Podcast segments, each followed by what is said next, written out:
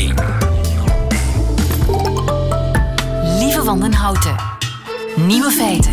Dag, dit is de podcast van Nieuwe Feiten van maandag 26 maart. Waarin we het niet zullen hebben over die Franse ober die naar het Hof voor de Rechten van de Mens stapt omdat hij ten onrechte ontslagen zou zijn als slachtoffer van culturele discriminatie. Het zit zo. Guillaume Ray die werkte tot voor kort in een restaurant in eh, Vancouver, Canada, maar kreeg de bons wegens aanhoudend grof, agressief en respectloos gedrag tegenover de klanten. Guillaume beweert nu dat de Franse cultuur nu eenmaal franker en expressiever is en dat hij ontslagen is omwille van zijn directe, eerlijke en professionele persoonlijkheid, die helemaal in lijn is met zijn opleiding in de Franse horeca. Hij is met andere woorden niet onbeschoft, hij is gewoon Frans. En dat maakt een enorm verschil natuurlijk. De andere nieuwe feiten vandaag zijn joggen in de stad is even erg als roken. Turkse soaps mogen niet langer op de Arabische televisie. Zuid-Koreanen werken graag door tot middernacht. En Alex Visorek probeert in Parijs Nicolas Sarkozy te begrijpen. Geniet ervan. Nieuwe feiten.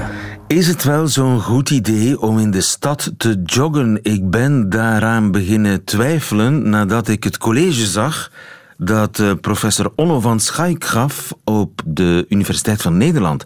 Dat is de Nederlandse broer van eh, de Universiteit van Vlaanderen. Goedemiddag, professor. Goedemiddag. Onno van Schaik, u doseert preventieve geneeskunde aan de Universiteit van Maastricht. En u doet het niet, hè, joggen in de stad? Nou, uh, ik jog alleen in de stad als die schoon is. En uh, dat zijn niet zo heel erg veel steden. Uh, dus over het algemeen niet. Ik jog niet langs een snelweg. Want dat is hetzelfde als dat je aan het joggen bent en sigaretten aan het roken bent. En dat kun je beter niet tegelijk doen. Joggen naast een snelweg is hetzelfde als rokend joggen. Ja, en dat kun je beter niet doen. Je kunt zo, zo beter niet roken. Maar zeker niet als je aan het hardlopen bent. Dat is lopen langs de snelweg. Ik denk niet dat er heel veel mensen langs de snelweg joggen. Maar in de stad bijvoorbeeld. Ik neem zomaar het Warandepark in Brussel. Kent u misschien niet, maar dat is een, een niet al te groot parkje in het hart van de stad, tussen het parlement en het Koninklijk Paleis, populair Mhm. bij politici zelfs en bij ambtenaren, die daar hun rondjes komen lopen. Mhm, mhm. Zou u daar joggen? Nou, ik, ik ken natuurlijk de situatie ter plekke niet goed. Maar wat ik wel weet, ik kom wel eens in de Europese eh, gebouwen. Kom ik in eh, Brussel. Eh, ik probeer het vaak met de trein te doen, maar een enkele keer doe ik het met de auto. En dan doe ik er langer over om van de rondweg in Brussel naar het centrum te komen. Dan vanuit Maastricht naar de rondweg in Brussel. en dat Ja, betekent dat dat je. dat je ongelooflijk veel eh, verkeer vaststaat in het eh, centrum van Brussel. En dat geeft ontzettend veel eh, fijnstof. Dus ik neem aan dat ook dat parkje niet vrij zal zijn van fijnstof. Kijk, wat je eigenlijk nodig hebt om een gezonde omgeving in een stad te hebben, dat zijn toch behoorlijk grote parken. Een heel goed voorbeeld is denk ik de situatie in Londen. Men heeft begin dit jaar een eh, publicatie in het eh, bekende tijdschrift The Lancet gepubliceerd. Waarbij men keek wat de effecten waren van het lopen door Hyde Park, een groot park in Londen. Hartje centrum. En daarnaast ook in een hele drukke stad, Oxford Street. Heeft men dezelfde mensen heeft men gemeten terwijl ze liepen door Hyde Park en terwijl ze liepen op eh, Oxford Street. En dat was niet alleen een ehm, ja, enorm verschil in blootstelling aan schadelijke stoffen door luchtvervuiling, eh, enorm groot verschil, maar ook zag je de directe consequentie daarvan op hun longfunctie. Ehm, dus je, Directe eh, consequentie vergelijkbaar met roken. Eh, ja, daar, daar kun je, inderdaad kun je op die manier vergelijken. Dat is is, ongeveer eh, hetzelfde. Dat is niet eh, helemaal anders. Dat is ongeveer Nou, het is- hetzelfde. Het is ongeveer hetzelfde. Ehm, dat wil zeggen, het, ehm, ehm, je kunt het ermee vergelijken. Kijk, de, de samenstelling van sigarettenrook bestaat uit uh, nogal wat stoffen, allerlei kankerverwekkende stoffen. Uh, in fijnstof zitten ook met name als het gaat over de uitstoot van verkeer, gaat het ook over verbrandingsstoffen. En de vergelijkenis uh, is daar absoluut. Ehm, en in ieder geval heeft het ook dezelfde uitwerking in de zin van ontstekingen die er in de longen plaatsvinden. En wat we ook noemen met een moeilijk woord het radicaal genererend vermogen van uh, fijnstof. Dat wil zeggen dat het radicalen in het lichaam uh, veroorzaakt, waardoor er allerlei ontstekingsprocessen komen. En zelfs ook uiteindelijk kanker veroorzaakt wordt doordat er het DNA verandert. Ja, dus je moet al in een heel groot park gaan lopen om die, uh, die schadelijke stoffen te vermijden. In Gent bijvoorbeeld is er een loopparcours speciaal aangelegd voor joggers, vijf kilometer, mm -hmm. met een hele luxueuze ondergrond, een van die houtschilfers. Maar dat ligt eigenlijk vlak bij de R4, de ring rond de stad. Ja, dat is niet zo verstandig natuurlijk. Dat, uh, ik, ik begrijp wel dat het voor stedenbouwkundige planners dat het niet makkelijk is. Want uh, we leven natuurlijk in heel dichtbevolkte gebieden. En het is natuurlijk niet eenvoudig om uh, terreinen te vinden waarbij uh, ver van de uitstoot van verkeer zit. Maar toch is het wel verstandig om dat zoveel mogelijk te doen. Ga in een bos lopen. Ga op het zoveel mogelijk op platteland lopen. Probeer buiten de stad probeer te lopen platteland uh, en grote parken, daar kan je joggen. Elders is het een beetje gevaarlijk. Zegt uh, professor Van Schaik, goedemiddag. Dankjewel. Oké, okay, graag gedaan. I was out for a stroll, just walking the park. Checking the scene, seeing what was up. I wasn't bothering nobody, I was easing on down the road. Just behind the company big. I said, good Lord, tell me what was that? I turned to look and my brain took an overload. Down the trail and around the pond come a thousand people with their underwear on, picking them up, laying them down like Ja, als dat park maar groot genoeg is, begrijp ik van professor Van Schaik. Overigens, als u zijn college wil zien, dan moet u natuurlijk surfen naar de Universiteit van Nederland.nl. Tom Paxton en Hand Me Down My Jogging Shoes. Nieuwe feiten. Coucou de France. Met Alex Visorek. Ja, de temperatuur stijgt altijd een paar graden op maandagmiddag, want dan mag ik zwaaien naar Parijs, waar mijn uh, ja, poezelige collega van France Inter de wereld voor ons in de gaten houdt. Goedemiddag, Alex. Goedemiddag, de zon schijnt hier ook, lieven. Uh, maar er is één man die de aandacht van de Fransen heeft gekregen vorige week. En dat is niet Johnny Hallyday, de zanger van deze cover, maar een politicus die al lang probeert afscheid van de Fransen te nemen, Nicolas Sarkozy.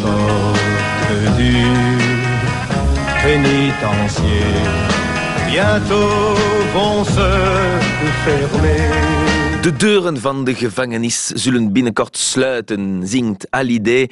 En wie weet, dat wordt misschien een mogelijke hymne voor Sarkozy.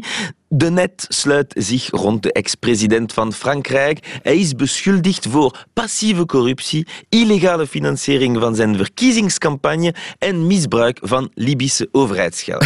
misbruik van Libisch ja. overheidsgeld, dat is toch wel heel ernstig. Ja, dat is het minste dat je kunt zeggen. Het is l'affaire du financement libyen, de zaak rond de Libische financiering. Kort samengevat, in 2007 wordt Sarkozy president, maar om zijn campagne te financieren uh, zou hij 50 miljoen euro gekregen hebben van de regime van Muammar Gaddafi. Dat zegt onderzoekskrant Mediapart op basis van twee documenten uit de omgeving van Gaddafi. En er is een Frans-Libisch zakenman die tussen Tripoli en Parijs gearresteerd was met een valies vol cashgeld. Uh, en hij zegt dat hij meerdere valiezen vol miljoenen heeft geleverd naar het team van Sarkozy. Onderzoekers zijn al vijf jaar bezig. Ze hebben Sarkozy al een paar keer verhoord. Maar deze keer moet het echt serieus zijn. Hij werd 28 uur lang verhoord. 28 uur zeg. Ja, en voor een gewone lezing van twee uur vraagt eh, de ex-president 200.000 euro.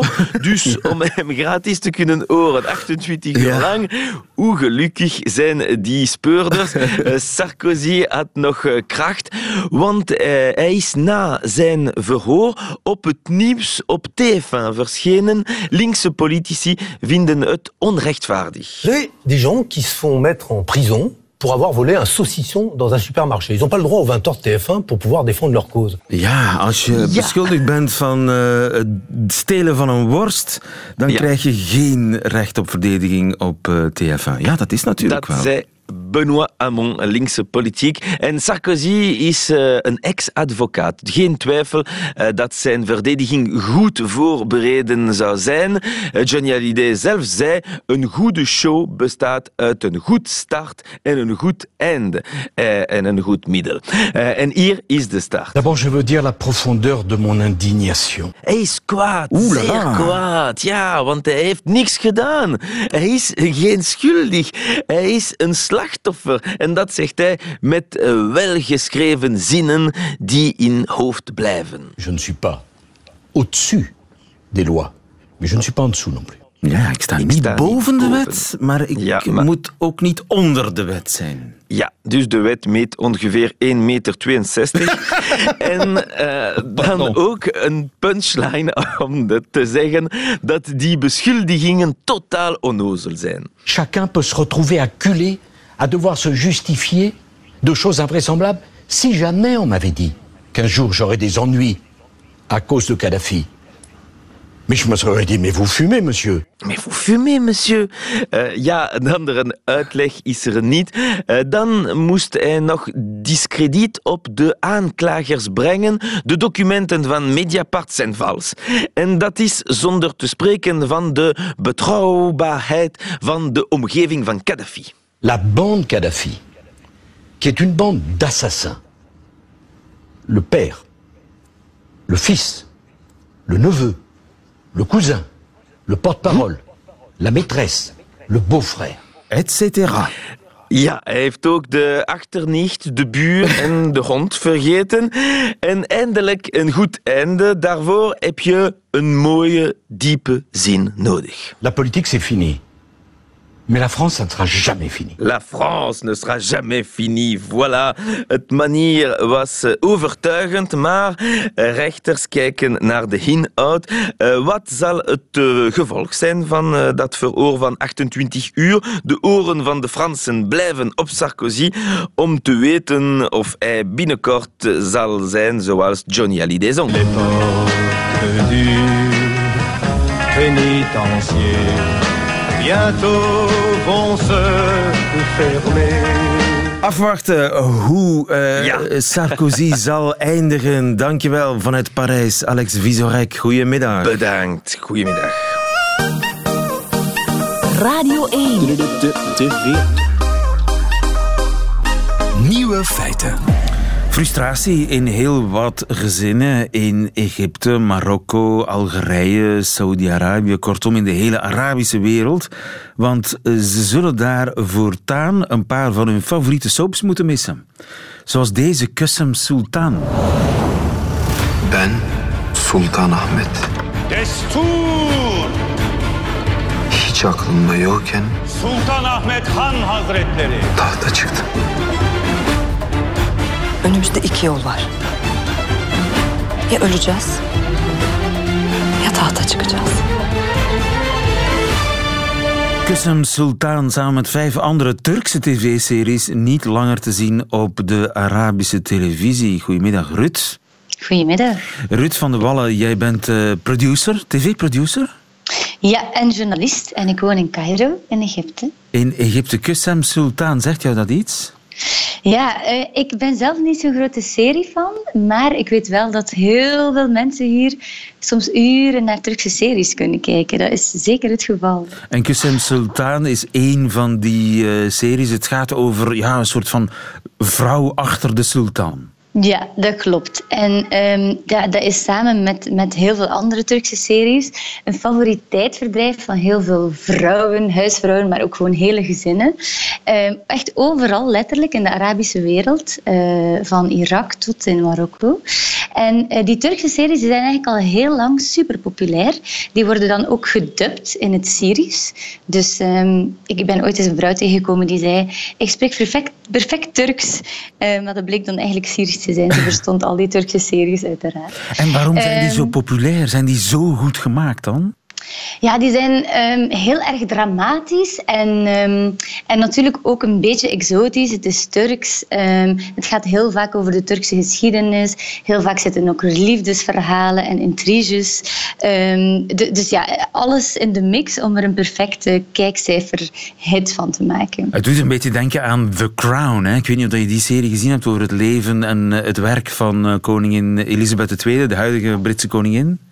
Ja, ik heb het zelf niet gezien, maar het is inderdaad een beetje vergelijk- vergelijkbaar. Mensen worden eigenlijk met zo'n serie in de geschiedenis eh, gedoopt van, van, van in, in dit geval het Ottomaanse Rijk. En dat is ook letterlijk eh, de bedoeling. Eh, er wordt soms gesproken van de neo-Ottomaanse revival. Dus eigenlijk het idee dat de Turken heel het Midden-Oosten in handen hadden, zoals het dat was onder het Ottomaanse Rijk.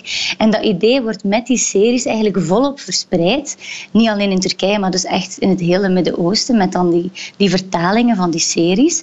Ehm, en dat is nu eigenlijk net eh, waarom die series zijn eh, afgeschaft, heel erg plotseling deze maand. Omdat het te veel propaganda voor Turkije is. Ja, het, het is eigenlijk een hele politieke zet ehm, die, die heel plots gebeurde. Plots eh, vonden mensen hun serie niet meer terug. Begonnen ze massaal te bellen naar NBC, wat een, eh, een Saudi-Arabische zender is, die al die series... niet ehm, NBC zoals de Amerikaanse eh, tv's. Nee. Dat is zomaar M met een M van mayonaise. De NBC. Ja. Ja. dus die NBC dat is een Saudi-Arabische zender. En zij ehm, hebben eigenlijk de rechten in handen om al die series in het hele Midden-Oosten via satelliet uit te zenden. En ehm, plots gebeurde dat niet meer. En heeft de NBC-baas moeten toegeven dat het eigenlijk een order was van hogerhand. En dan kunnen we natuurlijk rechtstreeks met de vinger wijzen naar het Saoedische koningshuis. En dan moeten we nog een beetje terug in de geschiedenis, naar juni 2017. Toen brak de grote Qatar-crisis uit, eh, waarin Saudi-Arabië ehm, Qatar, dus de kleine golfstaat, beschuldigde van het steunen van terrorisme. En eh, toen heeft Saudi-Arabië beslist, en in het kielzog daarvan ook een heleboel andere Arabische landen, eh, dat ze Qatar zouden ehm, ja, alle, alle banden, diplomatieke banden en andere banden stopzetten. Dus het is niet de eerste keer dat er een oorlog uitgevochten wordt via de tv-antenne. Nee, en, en het, eh, wat, eigenlijk vaak gebeurt is dat het soapdiplomatie wordt genoemd. Dus het feit dat die series zo populair zijn is een beetje een doorn in het oog. En dat komt eigenlijk omdat Turkije grote steunpilaar is voor Qatar. Dus voor dat kleine oliestaatje wat Saudi-Arabië op alle mogelijke manieren wil ehm, in de problemen helpen en alle banden doorknippen. Ehm, en Turkije wordt eigenlijk op die manier een beetje gestraft voor het feit dat zij Qatar steunen en ook de moslimbroeders steunen. Dat is dan weer iets wat terug naar Egypte verwijst. Daar waren de moslimbroeders aan de macht en die zijn nu verbannen, een terroristische organisatie. En heel veel van die moslimbroeders uit Egypte die zijn gevlucht naar Qatar en naar Turkije. Dus die hebben daar een soort veilige haven. En, en dat zint de Saoediërs niet. Eh, die zitten heel erg op een lijn met Egypte. En zij hebben dus beslist om eh, die soft power, die, die Turkije een beetje verspreidt en in hun imago, wat heel erg groot wordt afgebeeld in die series, om, daar, dat eigenlijk een halt door te door die series gewoon stop te zetten en te verbieden. De soapkraan dicht te draaien. En neemt de gemiddelde huisvrouw dat eh, in eh, ja, Egypte, waar jij bent? Ehm, ja, eh, ik- er is wel e- enige ontsteltenis. Ehm, Ja. ja. ik weet niet. Mensen die naar series kijken, die snappen het waarschijnlijk wel. Je wil gewoon weten wat er nog komt Tuurlijk. en wat er verder gaat gebeuren. Wat er gebeurt met de liefde tussen eh, de personages. En, en plotseling kan dat dus niet meer. Ehm, nu, er zijn volgens mij wel nog een paar hacks. Dus mensen kunnen wel op internet series eh, vinden en zo. Maar je moet er wel heel veel moeite voor doen. Nee, dus het, het is zeker zo dat mensen het niet fijn vinden. Maar het is ook niet zo dat ze er iets aan kunnen doen. Dus het is... ehm, afkikken wachten. geblazen. Afkikken geblazen. Afkikken geblazen. En zoeken naar eh, ja, mogelijkheden, slinkse mogelijkheden om alsnog het vervolg van de Turkse serie in kwestie eh, te kunnen bekijken. De soapoorlog in het Midden-Oosten. Dankjewel, Ruud van der Wallen in eh, Cairo voor ons. Goedemiddag. Graag gedaan.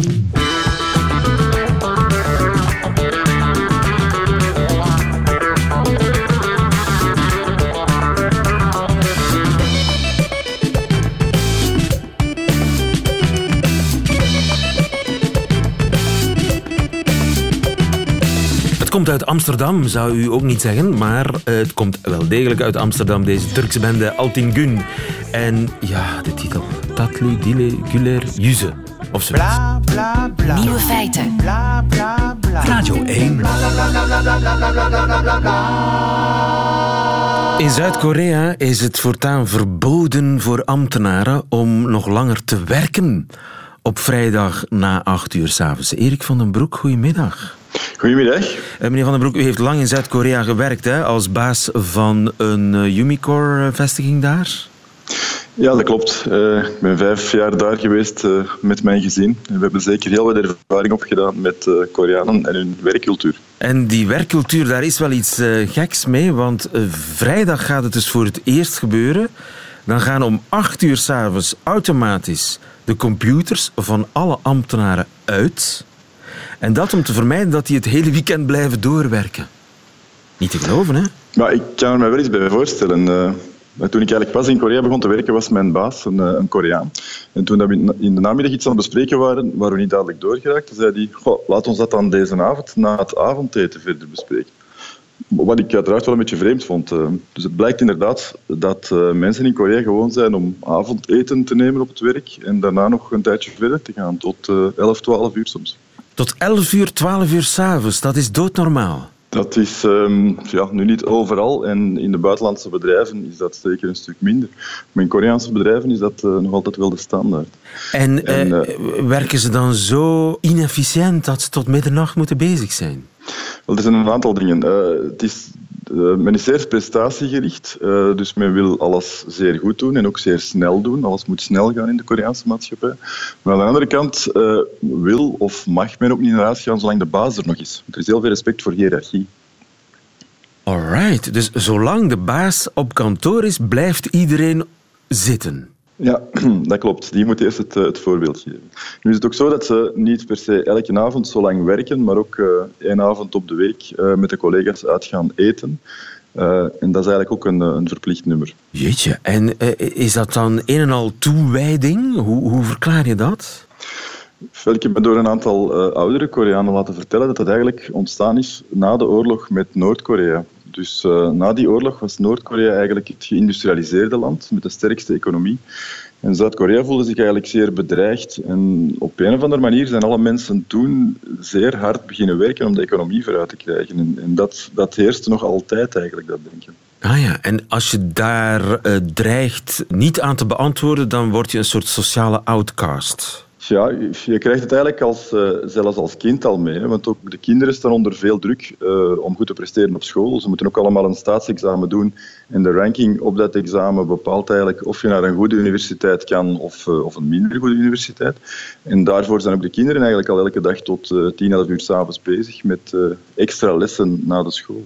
Jeetje, en geeft dat geen gezondheidsproblemen, burn-outs, oververmoeidheid? Ja, zeker en vast. Um, er zijn ook heel wat, uh, wat zelfmoorden in, uh, in Zuid-Korea, dus dat is zeker een probleem. Um, nu, men, men is dat op een bepaalde manier natuurlijk wel gewoon. Um, en men gaat dat ook voor een stuk compenseren door, uh, door heel intensief te ontspannen in het weekend. Dus men gaat ook heel veel zaken doen in het weekend, heel actief zijn. Om, maar dat geeft dan soms nog extra stress natuurlijk. En wat is intensief ontspannen? Hoe ontspant een Zuid-Koreaan zich na een 80-uren werkweek? Wel, merkwaardig genoeg gaat hij vaak dan nog een zeer vol weekend hebben, waar, uh, waar hij 's morgens vroeg de bergen intrekt om, uh, om dan steile bergen te gaan beklimmen, dus geen, geen rustige wandelingen. Um, en doet dat vaak dan nog in groep met andere mensen. Um, men houdt ook van, van eten en, en drinken, dus dat, daar wordt in het weekend zeker ook voldoende tijd voor gemaakt. Ja. Dus ze hebben wel nog hobby's na dat vele werken? Ja, absoluut. En, en vreemd genoeg, uh, het zijn inderdaad harde werkers, maar eigenlijk ook wel levensgenieters. En ze kunnen ook wel plezier maken. Uh, dat wordt soms wel, uh, wel vergeten. Maar men, er is een zekere compensatie ingebouwd, denk ik. Ja, maar loont dat vele werken ook? Want ik kan me niet voorstellen dat je gedurende 14, 15 uur per dag echt efficiënt bezig bent. Ja, dat is natuurlijk, uh, dat is natuurlijk een feit. Het is, het is meer een gewoonte. En eh, het, de werkgewoonte die men heeft is eigenlijk om, om zeer intensief op uh, bepaalde problemen te gaan en op korte termijn al trachten op te lossen. Dat maakt uh, dat men vaak wel heel snel vooruit gaat, maar toch soms ook zaken opnieuw moet doen. Ah. Dus of het de efficiëntste manier van werken is, daar kan je inderdaad vragen bij stellen. Ja, nu het strafste is, de overheid wil daar nu een einde aan maken, want trouw is te veel. En de, de eerste keer is volgende vrijdag om 8 uur gaan de computers af van alle ambtenaren. Maar dus bijna 70% van de ambtenaren heeft een uitzondering aangevraagd. Zo van, ja, maar ik, bij mij kan dat niet. Dat is, ja, ik dat kan, me, kan me iets bij voorstellen. Ik kan er me echt iets bij voorstellen, omdat... Um, ja, ik denk dat men ook... Um, ook in Azië is gezichtsverlies uh, zeer erg. Dus als je nu een, een taak hebt en je kan die niet op tijd afkrijgen, dan is dat eigenlijk gezichtsverlies. Dus ik vermoed dat daarom is dat veel mensen zeggen van ja, maar dat ga ik mijn werk niet meer gedaan krijgen. Ja. De strijd in uh, Zuid-Korea tegen het vele overwerk. Dankjewel, meneer Van den Broek. Goedemiddag. Dat is graag gedaan. Goedemiddag.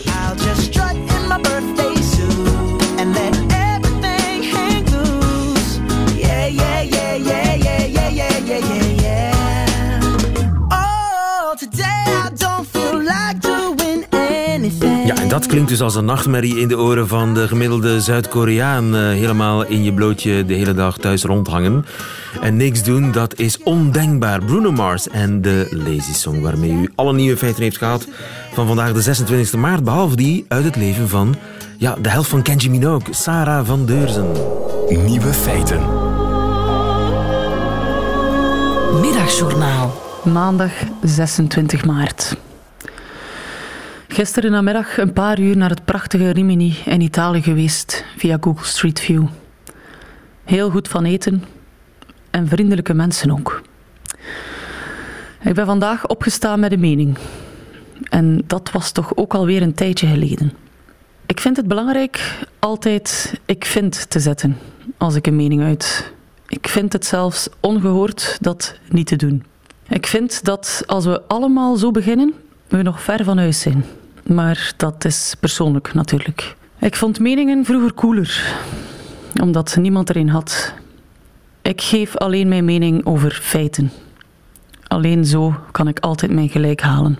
Zo vind ik bijvoorbeeld dat maart weerkundig gezien over lagere temperaturen zal beschikt hebben dan afgelopen augustus. Allee, vind ik dan, hè. Slecht weer bestaat niet. Enkel slecht aangepaste regenkledij vind ik ook.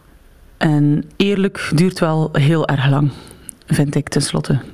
Uh, mocht mijn mening eens per uitzondering niet uit louter feiten bestaan, dan zet ik hem bewust vol met schrijffouten, zodat hij ongeldig is. Moest ik kunnen, ik sprak in dt-fouten.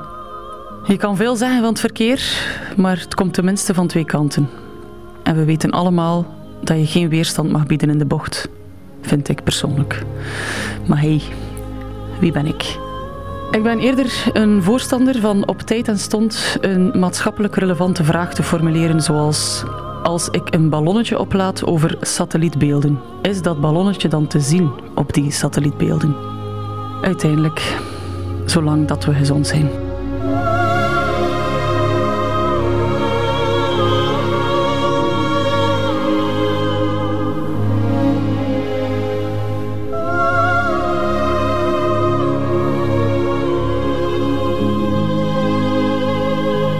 Opstaan met een mening. Het overkwam Sarah van Deurzen vanmorgen, alias Connie Komen van Kenji Minogue. Meteen het einde van deze podcast. U vindt er nog veel meer op radio1.be en op de gebruikelijke podcastkanalen. Tot een volgende keer.